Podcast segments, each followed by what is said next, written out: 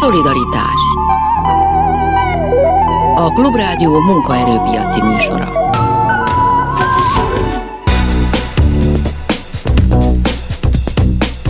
Napot kívánok, Sámesz János vagyok. A műsor első felében a lakhatásról lesz szó a lakhatás nagyon sok mindenki számára problémát jelent, sokszor azok számára is, akiknek egyébként van munkahelyük, hogy ebben hogyan tudnak, vagy tudnának, vagy éppen nem tudnak, vagy éppen nem akarnak segíteni az önkormányzatok itt Budapesten, ezt fogjuk megbeszélni a következő bő 20 percben, aztán pedig majd a gyerekekről fogunk beszélgetni, arról, hogy milyen állapotban vannak a magyar fiatalok másfél év pandémia után. Erről az UNICEF készített egy nagy kutatást, már is kezdünk. Szolidaritás és az Utcajogász Egyesület két tagját, Diaz Henriettát és Szatmári Andreát köszöntöm itt a stúdióba. Jó napot mindkettejüknek! Jó napot kívánok! Jó napot kívánok! És azért vannak itt, mert készítettek egy, egy nagyon hosszú tanulmányt, tehát a hosszú ezt úgy kell érteni, hogy kb. 60 oldalnyit, és egy probléma, probléma térképet arról, hogy hogyan áll össze az önkormányzatok bérlakás rendszere, és hogy ezzel milyen problémák lehetnek, de mielőtt erre rátérném, én azért szeretném, hogy az egyikük bemutassa az Egyesületet, azért a hallgatóink elég sokszor hallhattak már az utcajogászokról, de nem ebben a műsorban, úgyhogy nagyon picit amelyikük szeretné mondja el, hogy pontosan mit csinálnak, és miért kezdték el azt azt csinálni itt Budapesten? Az Utcajogász Egyesület 11 éve működik, hajléktalanságban, lakhatási szegénységben élő embereknek igyekszünk segíteni tanácsadással. Konkrétan a Blaha Lujza téren a felújítás ideje alatt a Rákóczi téren van az ügyfélfogadásunk péntekenként 3 és 5 óra között. Ez mennyi ember lehet egyébként, akit ez érint Magyarországon? A lakhatási szegénység? Igen hát nagyon sok, ugye nagyon sok szintje lehet ennek a, a problémának, két milliónál is többen érintettek lehetnek. Tehát vannak olyanok közöttük nyilván, akiknek nincsen hol lakniuk, és lehetnek nagyon sokan, és én gyanítom, hogy ők lehetnek többen, akiknek ugyanéppen egy adott pillanatban van hol lakniuk, de ez nem biztos, ez na, hétről hétre, vagy hónapról hónapra változhat, vagy hát éppen azon múlik, hogyha mondjuk valamelyik ki a családból hirtelen elveszi a munkáját, akkor ez már is egy probléma lesz, ez jól gondolom. Mert. Pontosan így, így látjuk mi is, az ügyfeleink nagy része lakhatással kapcsolatos kérdésekben fordul hozzánk, általában ez kapcsolódik valamilyen adósságkezeléshez, nagyon sokféle problémát hoz magával az, hogyha a lakhatása bizonytalan valakinek. És akkor még egy kérdés erről, mielőtt rátérnénk erre az új történetre, amit önök csináltak, hogy amik problémákkal önökhöz fordulnak, ezek inkább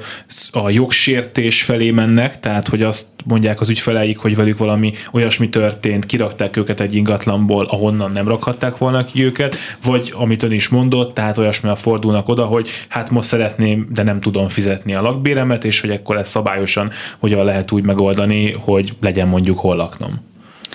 Az Egyesületünk célja az, hogy mindenkinek legyen lehetősége jogi segítséget igénybe venni. Az ügyfeleink nagy része nem tudja az ügyvédet megfizetni, úgyhogy azért fordul hozzánk, mert nincs pénze a jogi segítségre, de ez persze azt is jelenti, hogy nagyon sok minden másra sem, és ö, amit ö, tapasztalunk, az mind a két irányban igaz.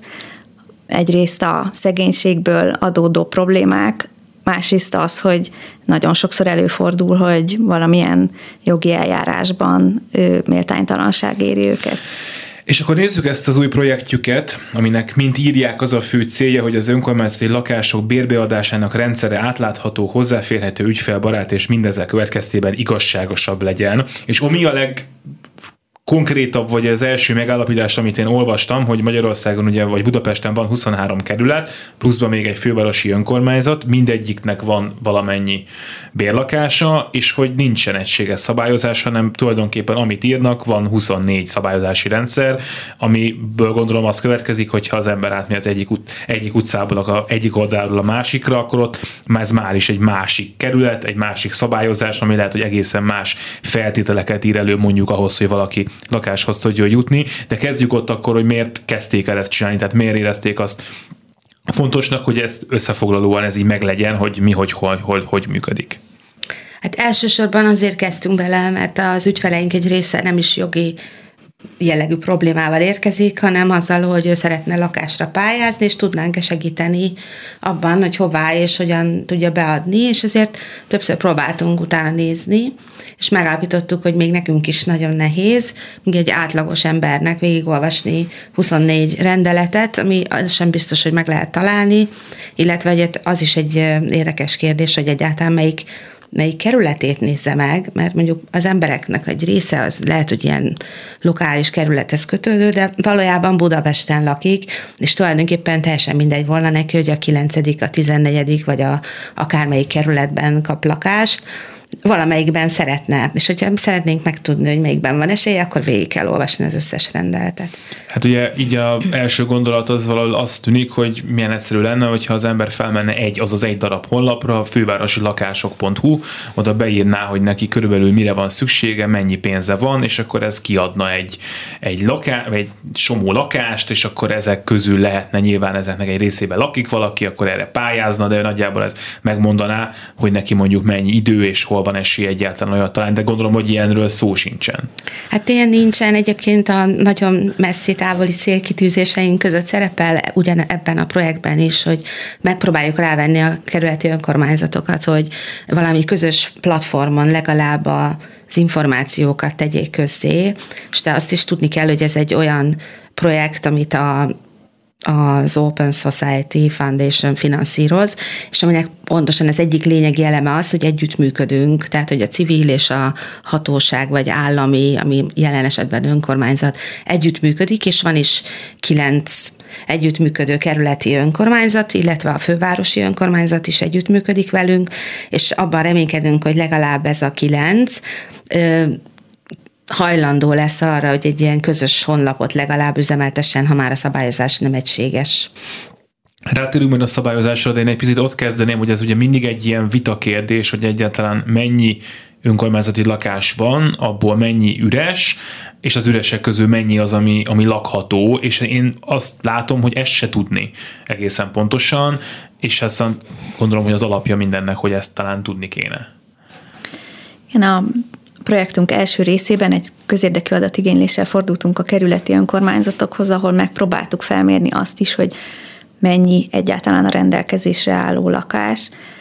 Ezekből az adatokból sokat feldolgoztunk és tettünk a honlapunkon, megtalálható ez a probléma térkép, amiből szemezgethet az olvasó, de valóban a, az egyes önkormányzatoknál annak a nyilvántartása is, hogy éppen mennyi a rendelkezésre álló lakás, ez nem egy egyszerű kérdés.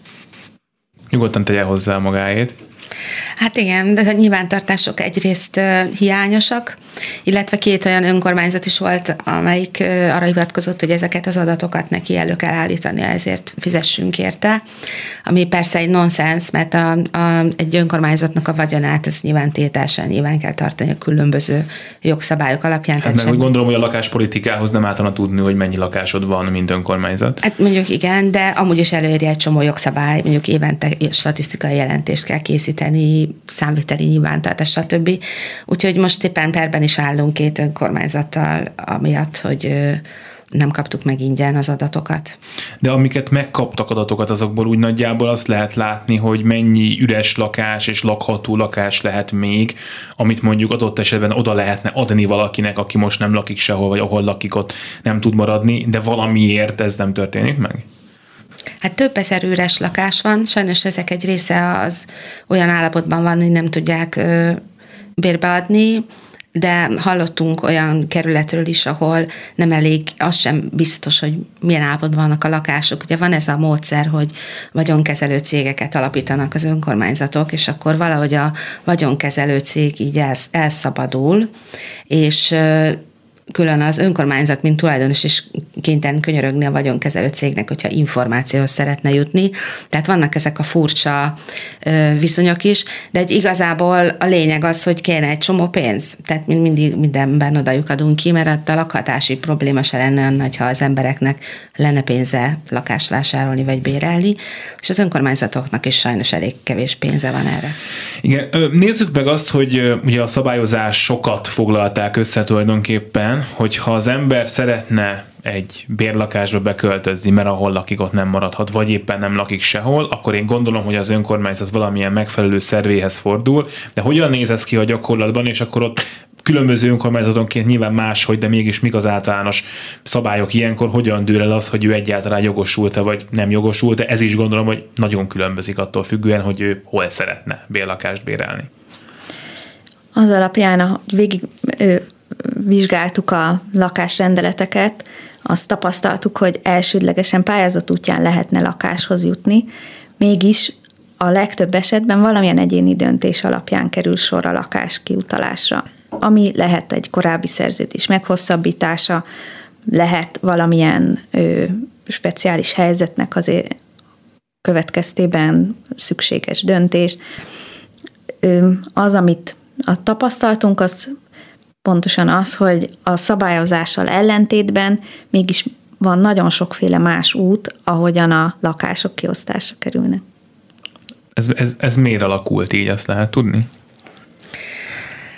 Hát nem szeretnék semmilyen találgatásokba bocsátkozni, de van egy olyan általános benyomása az embernek, hogy a, a döntéshozók szeretnek döntést hozni az ilyen ügyekben, tehát hogy van egy, egyfajta ilyen nem is tudom, milyen feudális becsípődés, hogy talán akkor ö, szimpatikusabb és népszerűbb leszek, hogyha jó döntéseket hozok. Láttunk olyan esetet, van konkrét ügyfelünk volt lakáskérütési perben, ahol a, a pozitív, vagy egyáltalán a lakás odaítéléséről szól döntést a polgármester hozza, ellenben a felmondást a vagyonkezelő. Ez olyan nehéz elképzelni, közölni. tudja, hogy X, X polgármesternek, nem tudom, van ezer lakás a kerületben, és akkor X polgármester mindig mindenről személyesen dönt. Tehát azért gondolná az ember, hogy valóban itt valamiféle pályázati rendszernek csak működnie kell, mert nem nekik is, bár tudjuk, hogy nem feltétlenül, de azért gondolom, hogy az a céljuk, többnyire, hogy a lakásaik nagy részében lakjon valaki, és akkor azért nekik, abból van nekik valami bevételük mégiscsak van. Igen, ez is benne van, de közben azt is látni kell, hogy azért 40, kb. 42 ezer lakásról beszélünk a főváros teljes területén, és amiből a, a, az adatigénylés alapján egy pár száz forog egy évben, uh-huh. ugye, mert egy csomóban laknak. Na, annyira van ideje a polgármesternek is. Annyira van ideje, és hát amúgy pedig iszonyatosan sokan szeretnének ilyen kedvező lakbérrel lakáshoz jutni, mert azért a piaci lakbért nagyon nehéz megfizetni még fizetésből is. Úgyhogy gondolom, hogy hát nagyon változatos. Van olyan önkormányzat, ahol egyszerűen be kell adni egy kérelmet, és akkor vagy valamelyik bizottság, vagy a polgármester eldönti, hogy igen vagy nem. Akkor vannak, ami a nekünk szimpatikusabb, a névjegyzéket vezetnek, ahol van egy előre meghatározott szempontrendszer, és akkor aki a legtöbb pontot kapja, annak fogják kiutalni a következő megüresedő lakást. És akkor vannak ezek a mindenféle pályázatok, sokszor van felújítási kötelezettséggel, az is ugye van, akinek azért jó, mert mondjuk három milliója van arra, hogy felújítsa, de 30 nincs arra, hogy vegyen egyet. Tehát, hogy sokféle, nagyon sokféle van, de a legnagyobb probléma az, hogy egy átlagos embernek fogalma sincs, hogy merre induljon el hogyha úgy gondolja, hogy egyébként ő rászorulna erre. Hát hiszen én sem tudom, egy picit arról beszéljünk, hogy mik lehetnek ilyen kizáró tényezők, hogyha valaki pályázik egy lakásra, akkor van-e olyan, akinek mondjuk önök is azt javasolják, hogy mondjuk a 23-ból 21 kerületbe nem is érdemes próbálkoznia, mert ő ott úgyse felel meg a feltételeknek. Vannak-e ilyen feltételek? Mennyire változatosak ezek? Hát a leggyakoribb, ami biztos, hogy rögtön kizárja az embert, az a lakcím feltétel. A legtöbb kerület valamilyen lakcím feltételt alkalmaz, vagy aktuálisan, vagy az elmúlt valahány évben kell a kerületben lakónak lenni. Ugye ez, amire, a mi véleményünk szerint bizonyos esetekben már diszkriminációnak is minősíthető, mert hajléktalan embereknek nem szokott lenni lakcíme, pedig azért azt senki sem vitathatja, hogy a leginkább ők szorulnak rá arra, hogy valamilyen kedvezményes lakhatási lehetőséghez jussanak. Tehát, hogyha a, volt ilyen ügyfelünk a Rákóczi téren, aki azt kérdezte, hogy, hogy ö, melyik, a, melyik kerületben nincs lakcím feltétel, mhm. mert ő a 14-ben lakik, és sehogy sem sikerül előrébb jutni a névjegyzéken, de hát nyilván van egy csomó mindenki, akinek még ö, szomorúbb a helyzete, mint az övé, és egyetlen ilyen kerület van a negyedik kerület, illetve a fővárosi önkormányzat, ugye ez természetesen mm. nem ír elő kerületi lakcímet, de hogy, és akkor ez, ennek az információnak egyébként örült, de ahhoz, hogy ezt meg tudjuk, ahhoz tényleg el kell olvasni mind a 24 rendeletet, de akkor ezt most itt kihirdettük a nagyvilág számára, hogy az újpesti és a fővárosi az esélyes. Milyen ilyesmi, milyen hasonló kizárás? Tehát, hogy megnézik mondjuk azt, hogy mennyit keres az ember, vagy hogy gondolom én az logikusnak tűnik, hogy megnézik, hogyha korábban lakott valahol, ott fizetette lakbér, nem fizetett. Nem mondom, hogy ezek nem jogos elvárások adott esetben, csak megint csak ugye az következik belőle, hogy kizárnak egy csomó mindenkit. Igen, a jövedelmi viszonyok azok nagyon jelentős kritériumnak számítanak a legtöbb kerületben valamilyen szempontból fontos hogy valam megfelelő minimum és maximum összegű mhm. legyen a, a havi jövedelme a családnak vagy a pályázónak. Ugyanígy feltétel lehet az, hogy korábban milyen kapcsolatban volt az önkormányzat, tehát hogyha tartozása van, az hmm. sokszor kizáró ok, hogyha ha korábban bérelt Mm, lakást, és ott valamilyen összetűzésbe került az önkormányzattal, az is Mhm. Most nézem, készítettek egy ilyen probléma térképet, illetve hát az egész anyagnak ez a neve, de van egy ilyen konkrétan, hát nem is térképnek, de egy ilyen szép összeállítás, ami nagyon sok problémát felvet, és aztán utána lehet látni, hogy melyik kerületben merül ez fel, és melyikben nem. És hát itt látom ilyet, hogy mondjuk a lakásigénylésről van egy tájékoztatás a hollapon, és akkor kiderül, hogy van egy csomó kerület, ahol nincsen, vagy ha van tájékoztatás, ahol, akkor ahogy önök írják, az nem közérthető, elavult, vagy, vagy hiányos hiányos, tehát ebből azért az ember azt a következtetés vonja le, hogy itt azért bőven van hiányosság, tehát nem csak mondjuk abban, hogy egyáltalán milyen szabályok szerint lehet lakáshoz jutni, hanem abban is, hogy a önkormányzatok akarnak egyáltalán kezdeni valamit a lakásaikkal, ha már van nekik. Hát, hogy arra gondol, hogyha ha nem tesznek ki tájékoztatót, az, az azért van, hogy ne is próbálkozzanak az emberek az igényléssel. Én ezt nem mondtam, csak hát uh-huh. furcsa, hogyha nem tesznek ki. Hát szerintem is furcsa, és főleg azért, mert, mert én, én nem tudom, ha én működtetnék egy ilyen lakásosztályt, akkor én arra törekednék, hogy minél több információ legyen kint, mert különben állandóan csörögni fog a telefon. Tehát szerintem az ügyintézőknek is sokkal praktikusabb, hogyha általános tájékoztatók kint vannak, mint hogyha, mint hogyha mindenki felhívogatja őket telefonon, és ezért egész nap ég a, égnek a vonalak. Tehát, hogy szerintem ez kölcsönös érdek volna, de én azt gondolom, hogy ezek a honlap problémák, ezek inkább ilyen, ilyen nem tudom, talán nem figyelnek eléggé oda, vagy uh-huh. ilyesmi, és hogyha mi, mi azt is tervezzük a projektben, hogy fogunk valami olyan minimum tartalmat javaslatként letenni, ami szerintünk kellene mindenhol kint legyen, és akkor lehet, hogy ezzel is tudunk segíteni abban, hogy, hogy mégis mi volna az az elvárás, aminek látszódni kéne, vagy milyen linkeket kéne betenni az élő rendelethez például. Amit még itt most találtam, és lehet, hogy ezt aggályosabbnak fogja tartani, ez a lakbér lakástörvényel ellentétes meghatározása, és egy csomó önkormányzat valamit be van jelölve, hogy ez ezt csinálja. Tehát, hogyha jól értem, akkor ez a törvényel szembe menő gyakorlat, amit ezek szerint akkor több önkormányzat is követ az önök véleménye szerint. Igen, sajnos látunk egy csomó törvénysértő gyakorlatot is, itt a lakbérnél arra kell gondolni, hogy a lakástörvény szerint a lakbér összegét a rendeletnek kell meghatároznia, és e- ez, ehhez képest vannak olyan önkormányzatok, ahol a pályázat úgy van kiírva, hogy azé lesz a lakás, aki a legmagasabb bérleti díjat ajánlja. Tehát ez nyilván törvénysértő, mert nincs megmondva, hogy mennyi Mm. Tehát ez, ez egy... Egy... kicsit szembe megy a szociális bérlakás szellemiségével is mondjuk, hát mert hogy hát ez a piaci albérlet is ugye így néz ki, hogyha én többet fizetek, és ugyanolyan szimpatikus vagyok, akkor én fogom megkapni, csak hogy ez pont azért van gondolom a szociális bérlakás, hogy ne így dőljön el a történet. Hát ezért van a lakástörvényben az a szabály, hogy a rendeletnek kell meghatározni a lakbért.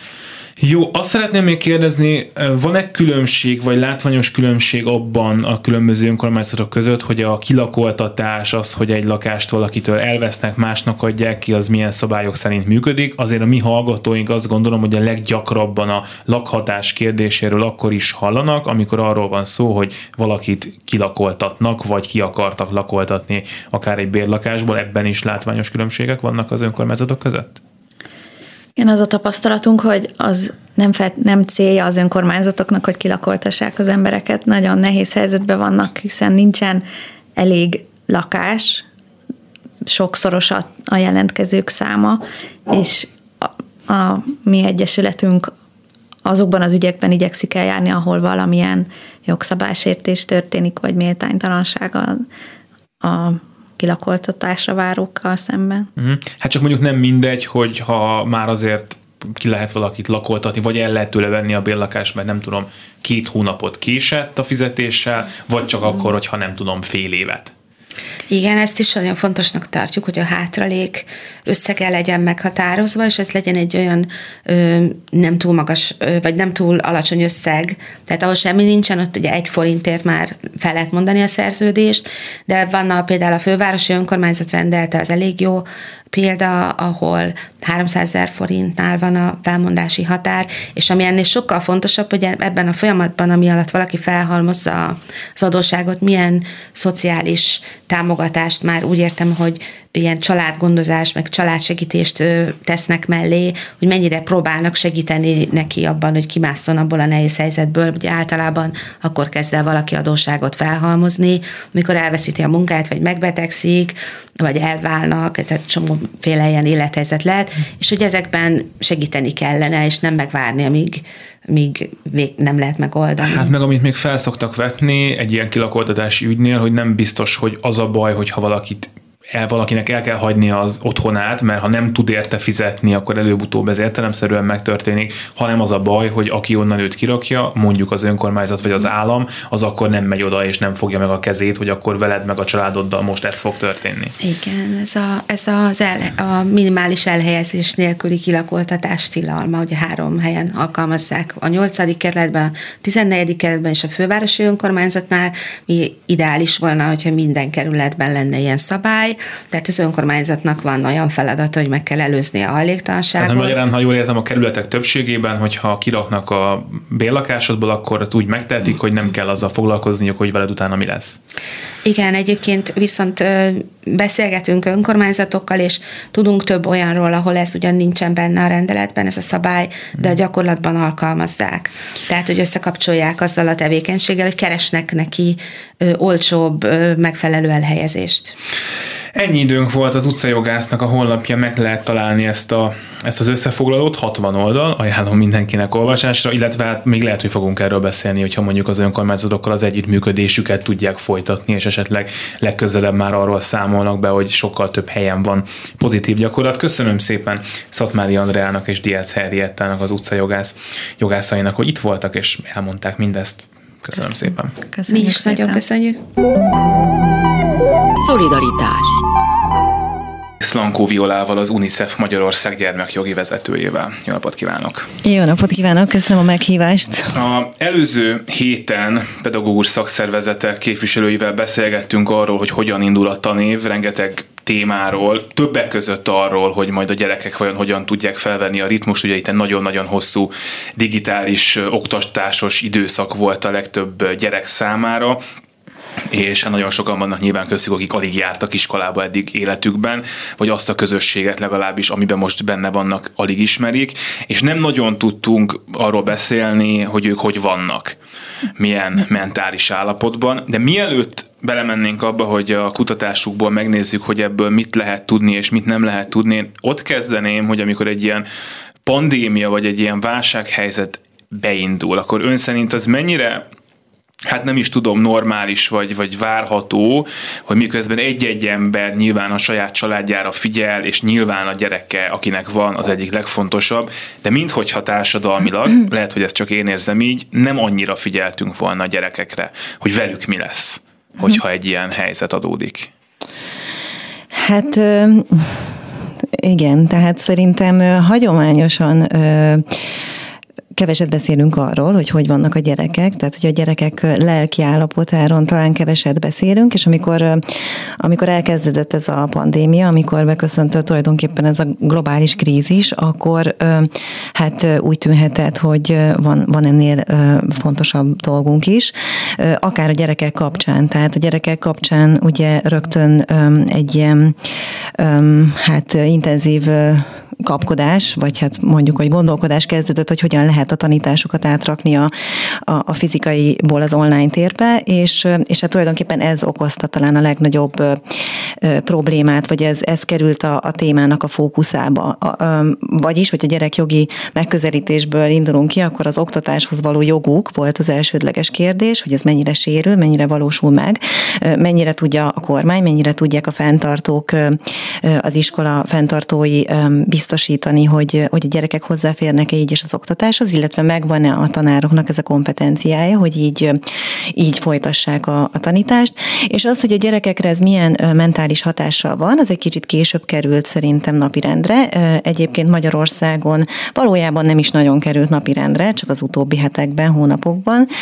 Nemzetközi, amerikai, nyugat-európai környezetben, ha vizsgáljuk a kérdést, akkor inkább kezdtek el erről a kérdésről beszélni, vagy viszonylag hamar felmerült az a, az a kérdés, hogy, hogy, hogy hogyan, hogyan hat valójában a járványhelyzet a gyerekekre, és elég hamar világossá vált, ugye, ha emlékszünk, hogy, hogy igazából nem a, a fizikai, az egészségügyi állapotukat veszélyezteti ez a járvány, ellenben van egy csomó olyan közvetett hatása, így például a lelki egészségük, a mentális egészségük, amit, amit nagyon is erősen befolyásol. Egy kicsit ezt az első szempontot nézzük meg, hogy a oktatáshoz való jog. Egyébként az UNICEF-nek is volt ezzel kapcsolatban közleménye, hogy hát rengeteg országban és nyilván itt leginkább afrikai, sokkal nehezebb, Magyarországnál nehezebb helyzetben lévő országokra gondolok, tulajdonképpen bezártak az iskolák, mm-hmm. és vége ellehetetlenült az, hogy mm-hmm. gyerekek tanuljanak, és mondjuk abból a nagyon rossz helyzetből, amiben a családjuk van, esetleg legyen akár esélyük kiemelkedni. Nekem egy picit az volt az érzésem, hogy ez a vita, mintha nem nagyon zajlott volna le, vagy később zajlott volna le. Tehát először bezártuk az iskolákat, mert az volt a cél, hogy minél kevesebb ember fertőződjön meg, ugye hogy lehet elérni, ne találkozzanak emberek, világos, és minthogyha utána kezdődött volna el egyáltalán azzal kapcsolatban gondolkodás, hogy hát az iskola egyébként nem véletlenül van, és hogy lehet, hogy a járványügyi védekezés során figyelembe kéne azt venni, hogy mekkora kárt okoz, ha nincs. Hát nagyon örülök, amikor ezt mondja nekem valaki, mert az UNICEF az végig e, emiatt advokát, vagy ezért advokát, hogy az iskolákat a lehető legkésőbb kell bezárni.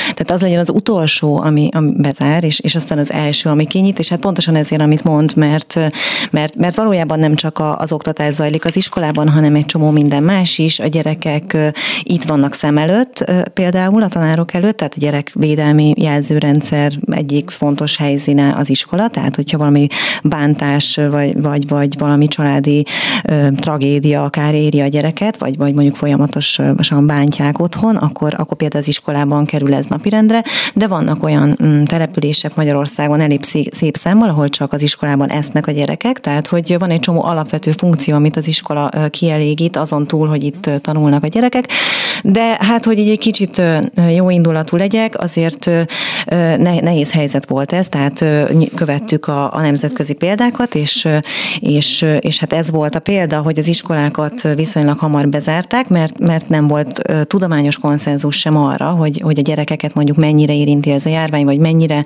magas a, az úgynevezett transmissziós rátájuk a gyerekeknek. A, a, igen, az UNICEF nemzetközi szervezet az elég hamar elkészítette egyébként a saját kutatását, ami alapján azt látta, 160 országot vizsgálva, hogy az iskolák valójában nem gócpontok, nem, nem a fertőzésnek a legfőbb forrásai, és hát, és hogy emellett viszont, ugye hát főleg a fejlődő országokban van, ugye alacsony jövedelmi országokban meg olyan plusz károkat okoz, tehát például itt a, ugye a gyerekek mondjuk gyerekprostitúcióba való belekeveredése, vagy a gyerekmunka megnövekedése, ez az, amik mondjuk ez, ezekben az országokban hát napirendre kerül az iskola helyett, de, de, de valójában itthon is azért hát azt láttuk, hogy a, hogy a gyerekeknek a kb. 25%-a végül is nem fért hozzá a digitális oktatáshoz ebben az elmúlt másfél évben, és hát az arról nem legyenek kétségeink, vagy afelől, hogy ez, hogy ez milyen pusztító hatással van az ő intellektuális és társas fejlődésükre is, a mentálison kívül. Rövid kérdés még erről, ebben egyébként lát változást világszinten, mert hogy a magyar kormányzati kommunikációt, amit ugye mindannyian ismerünk, az világos, lesz iskola, ameddig lehet, gondolom, ez az állítás nagyjából, és amennyire én tudom, azért azok a nyugat-európai országok is, vagy európai országok is, ahol bezárták korábban az iskolákat, ez nem volt kérdés, azért már sokkal árnyaltabban gondolkodnak erről.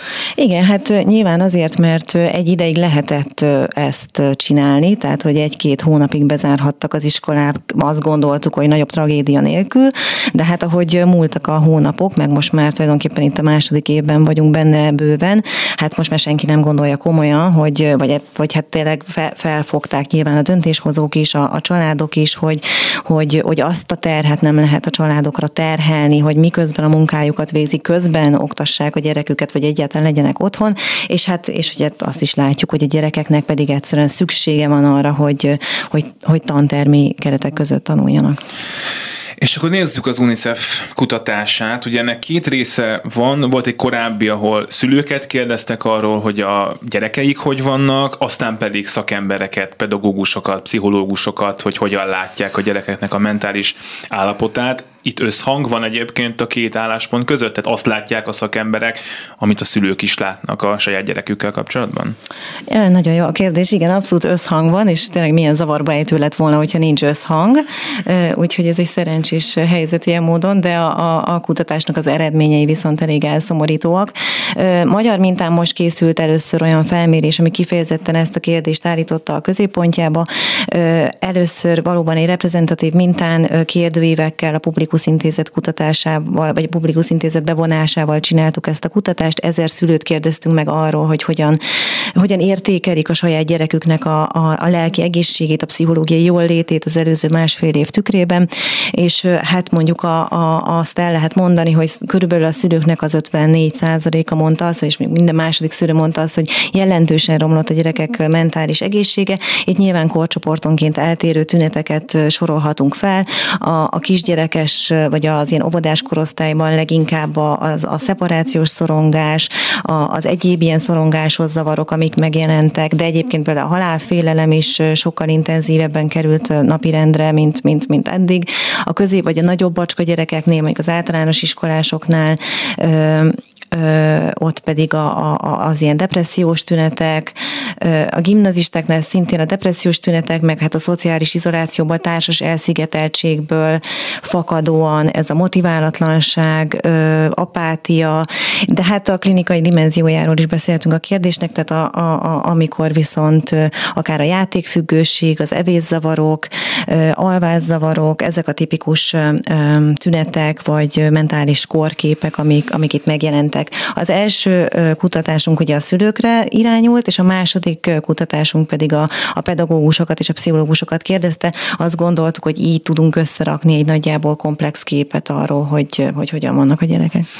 Arra, arról lehet tudásunk, hogy ez a gyerekeknek mekkora százalékát érinti? Most nyilván itt rengeteg mhm. mindent felsorolt, és hát reménykedünk uh-huh. benne, hogy a legtöbb gyerek számára ezek ilyen múlandó problémák lesznek, majd erre is uh-huh. szeretnék rákérdezni, hogy itt, itt, itt, itt menthetetlen vagy, vagy kezelhetetlen dolgok mennyiben történhettek, de hogy hát nyilván lehetnek olyan családok, akik ezt megoldották, találkoztak a gyerekek legalább máshol az osztálytársaikkal, testvérek együtt, mondjuk ne, nem szeparálták el egymástól a saját gyereküket, őket, hogyha valaki fertőzött lett, ami nyilván egy borzalmas élmény lehet, uh-huh. még akkor is, hogyha lehet, hogy egy, egy virológus szakember egyetértene ezzel. Tehát, hogy, hogy rengeteg fajta ö, trauma lehet itt, ami szóba kerül, de hogy ez mennyire lehet mhm. jellemző?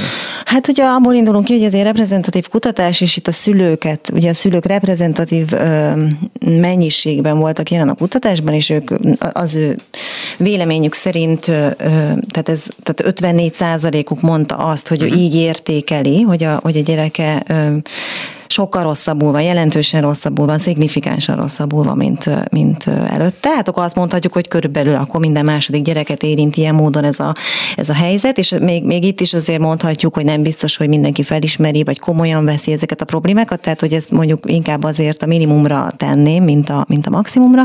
De hogy az érdekes kérdés, hogy, hogy milyen tartós, mennyire tudnak kijönni majd ebből a gyerekek, vagy akár melyik családot milyen módon, vagy hogyan érintette, az én számomra az egyik legfontosabb eredmény az az, hogy hogyha társadalmi osztályonként vizsgáljuk ezt a kérdést, és hát e tekintetben pedig azt látjuk, hogy minél alacsonyabb jövedelmű egy család, annál inkább szembesült azzal, hogy a gyerekét nagyon megviselte ez a helyzet mentálisan, tehát hogy mondjuk egy szorongásos korképet nézünk, vagy szorongásos zavarokat, akkor, akkor, akkor itt mondjuk egy ilyen a középiskolás generációban az alacsony jövedelmű csoportok vagy családok esetében mondjuk a családok 70%-a mondja azt, hogy a gyerek sokkal többet szorong, és nem tud aludni, nem eszik rendesen, rá van függve valamilyen játékra, bezárkózik, stb. És mondjuk egy jobban, egy több erőforrással rendelkező, magasabb jövedelmű családok esetében ez csak 30% volt. Tehát, hogy, hogy az, az lehet, hogy intuitív és tudjuk, vagy szóval, hogy érezzük, hogy, hogy a, a szegény embereket az ág is húzza, stb. De ez még olyasmiken is múlhat, hogy gyanítom én, hogy a, hogy a szegény emberek engedhetik meg maguknak kevésbé az, hogy mondjuk otthon maradjanak a gyerekkel, home office-ban dolgozzanak. Hát igen, és azt is láttuk, igen, hogy azért a, a, a, magasabb jövetelmű családok esetében, hát ha nem is mindenhol, de sokszor ugye igénybe tudtak venni mondjuk babysittert, vagy házi, há, oda jött valaki, aki, aki plusz gondoskodott a gyerekről, vagy, vagy, vagy, vagy nagyobb egyszerűen a társas támogatás a család körül, tehát hogy az biztos, hogy, hogy, a, hogy a szegény családokat ez jobban érintette. Ugyanakkor az összes család, vagy a, a megkérdezett szülőknek összesen a kétharmada mondta azt, hogy semmiféle segítséget nem kapott abban, hogy, hogy, hogy hogyan segíthetne a, a vagy hogyan, mit tehetne azért, hogy a gyereke jobban legyen mentálisan, és itt is láthatjuk ezt a társadalmi rétegződést, hogy minél szegényebb egy család, annál kevésbé tudott hova fordulni. Még egy dolog, mielőtt a megoldásokat kezdenénk keresni, amire rá szeretnék kérdezni, az a családon belüli erőszak kérdése. Azt én gondolom, hogy egy szülő esetében nagyon nehéz ezt megtudni egy kérdőív kapcsán. Nagyon kevesen fogják elmondani, hogy mi verjük a gyereket, vagy a férjem ver engem, és ez a gyereknek nem jó. De, de erről mit tudunk? Mert ugye hát arról mindenki beszélt, hogy a családon belüli erőszak a pandémiás helyzetben az otthon maradással növekedett. Voltak számok arról, hogy a felismert vagy a rendőrségre eljutott esetszámok nőnek valamilyen mértékben, ami nyilván érinti a gyerekeket. Mit tudunk erről? Igen, hát a mi kutatásunk ezt nem vizsgálta, úgyhogy, úgyhogy most pontos adatokat lehet, hogy nem fogok tudni kapásból mondani. Én is azokat a számokat ismerem itt, amit, a, amit olvastam a médiában, tehát mondjuk a párkapcsolati erőszak ugye kapcsán indított eljárások száma 60%-kal nőttek. Itt lehet, hogy egy gyerek is érintett ebben a formájában az erőszaknak. Egyébként pedig a, hát majd ezt, igen, tehát hogy, hogy a, a, a szakemberek körülbelül egy ilyen 30%-os növekedésről szoktak beszélni, vagy azt prognosztizálták a járvány elején, az biztos, hogy, hogy, hogy az a helyzet, amiben benne voltunk, a, mind az iskola bezárás, mind mondjuk ezek az egzisztenciális feszültségek, mind a, a, a vírustól, betegségtől való félelem, és párhuzamosan az, hogy, hogy nem tudjuk levezetni, vagy nem, nem tudjuk, mm, hát nem tudom, segítséget kérni, stb. levezetni a feszültséget, ezek mind olyan kockázatok voltak, amik, amik növelték az erőszakot. A, még azt is egyébként érdemes külön kiemelni, hogy, a, hogy az a gyerekek esetében a, a cyberbullying, az arról viszont vannak adataink, hogy, hogy, hogy az, az 70 kal nőtt itt a, a digitális oktatás idején. Mondjuk ez egyértelmű is, hiszen nem csak a, az iskola költözött, nem csak a tanítás költözött át az internetre, hanem a bántalmazás is. Hát itt az iskolák megnyitása ugye itt előhoz egy másik problémát, ami arról szól, hogy mennyiben terjesztik a gyerekek a vírust, mennyire veszélyeztetettek, hogyan kéne nyitni, hogyan kéne védekezni, és ez előhozhat ö, olyan szomorú dolgokat, hogy adott esetben egy szülő elkezd tartani a saját gyerekétől, hogy ott köhögnek az uh-huh. osztálytársak, ő hazahozza a vírust. Én el nem tudom képzelni, hogy ez mondjuk egy szülő-gyerek viszonyban ez, ez milyen következményekkel jár egy gyerek lelkére nézve, meg hát nyilván az ember reménykedik, hogy ez mondjuk egy, egy ritka eset. Hát igen, tehát szerintem ez, igen, ez az egyik ága talán ennek a problémának, és, és hát szerintem ez, ez egyértelmű, hogy sok olyan szülő van, aki, aki, aki a lehető legkésőbb engedte a gyerekét vissza az iskolába, már mondjuk akkor is, amikor lehetett menni, akkor is inkább úgy döntött, hogy otthon tartja, Vagy azért, és nehéz mert... azért hibáztatni, vagy tehát, hogy hogy mondjam, Igen, nem igen. mondanám neki azt, hogy te most itt rosszul döntöttél. Pontosan, és hát arról nem is beszélve, hogy vannak, vannak szülők, akik nem is oltathatják mondjuk be magukat, meg krónikus betegségük van, vagy, vagy bármi más. Úgyhogy, úgyhogy szerintem ez teljesen, ez egy létező probléma, és, és hát az, hogy ez aztán hogyan befolyásolja a gyerek-szülő kapcsolatot, interakciót, hogy mondjuk kevesebbet ölelgeti, kevesebb fizikai kontaktus van a gyerekkel, hát ez igen, ez egy szomorú következménye lehet ennek a helyzetnek. És hát, hogyha már az iskola kinyitott, én gondolom, hogy a megoldás egy részét is valahol ott lehet keresni, tehát, hogy ott lehetnének azok a szakemberek jelen, akár a pedagógus, ha ért ehhez, gondolom, hogy nem ért ehhez, ez derül ki a kutatásukból is, hogy nem biztos, hogy a pedagógus tudja, hogy, hogy hogyan kell észrevenni, hogyha a gyerek sokkal rosszabbul van, mint korábban, kinek kell ezt jelezni, szülőnek, szakembernek, és hogyan, de hogy hát valahogy az, hogy a közösségbe visszamentek a gyerekek, és látják azt, hogy velük mi van, az talán valami megoldást is elhozhat, uh-huh. kérdezem én. Igen, hát én is sokat egyeztettem most a pedagógus szakszervezetekkel, a PDS-szel és a PS-szel is, illetve több tanári közösséggel, és, és hát ők is azt jelzik vissza, hogy, hogy azért ők látják ennek a, a létjogosultságát, hogy az iskolai keretek közé bevigyék a, a mentális egészség témakörét, ugyanakkor azt is hozzá szokták tenni, hogy így is nagyon le vannak terhelve. És hogy most nem, kell nem... bepótolni azt a tananyagot, amit ugye igen, tavaly meg, nem sikerült, igen, és meg egyébként is. is le vannak terhelve, meg, meg azért itt nem egyértelműek a kompetencia határok, hogy mi az iskolapszichológus dolga, mi a, a pedagógus dolga.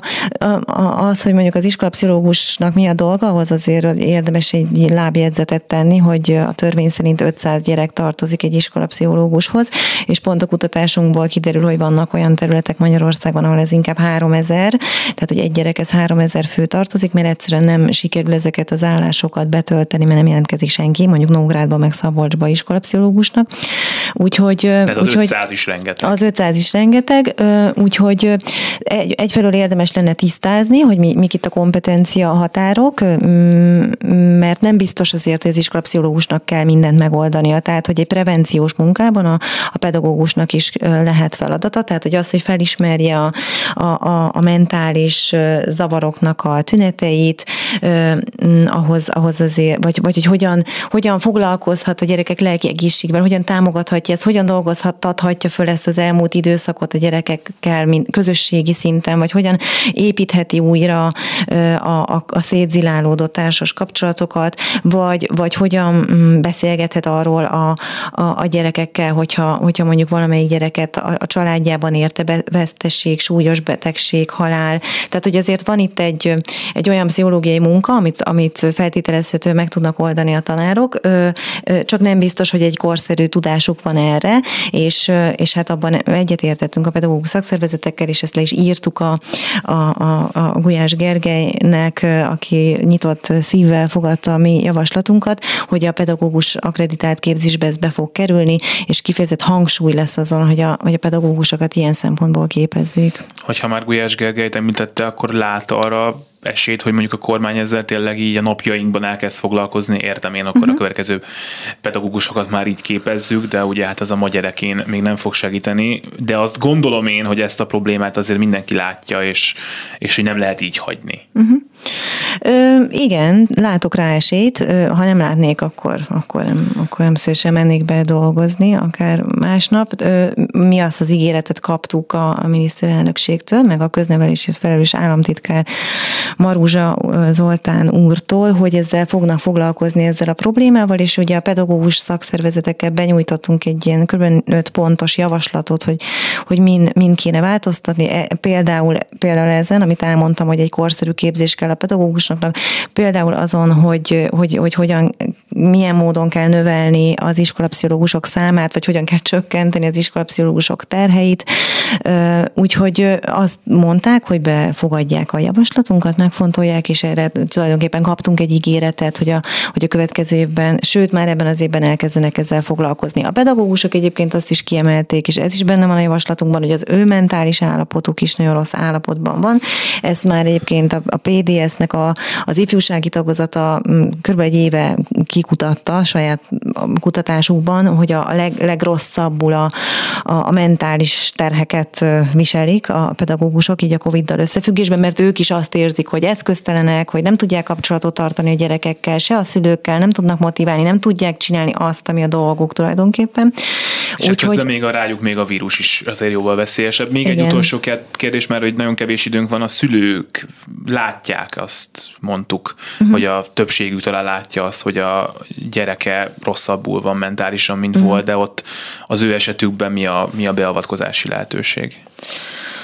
Hát Ugye Magyarországon a, a, a pszichológiai szolgáltatásokhoz való hozzáférés az, az, az az hát korlátozott, megint csak az alacsony jövedelmi családok esetében. Ez kicsit még mindig így a középosztály, felső középosztálynak a kiváltsága, illetve hát az állami szolgáltatókhoz, nevelési tanácsadókba, pedagógiai szakszolgálatokhoz, iskolapszichológusokhoz, ugye, ahogy elmondtam, hetekig, hónapokig kell várni, de mégis hát a, a szülő lehetőség az ez, hogy ebbe a sorba beáll, tehát hogyha állami ellátásba akar bekerülni, akkor egyszerűen a megfelelő pedagógus, a pedagógiai szakszolgálati do, munkatárs társal konzultál, vagy pedig nyilván a magánellátásba viszi a gyerekét, de a magánellátásba is egyébként most az a helyzet, minden pszichológus szakembertől ezt hallom, hogy, hogy, hogy rengeteg klienst utasítanak vissza, most pont mondta nekem az egyik kollégám, hogy, hogy csak a nyáron magánellátásban kb. 50 családnak mondta azt, hogy nem tudja vállalni szeptembertől mert sem, vannak. mert ennyien vannak. Tehát, hogy ennyire felerősítette a,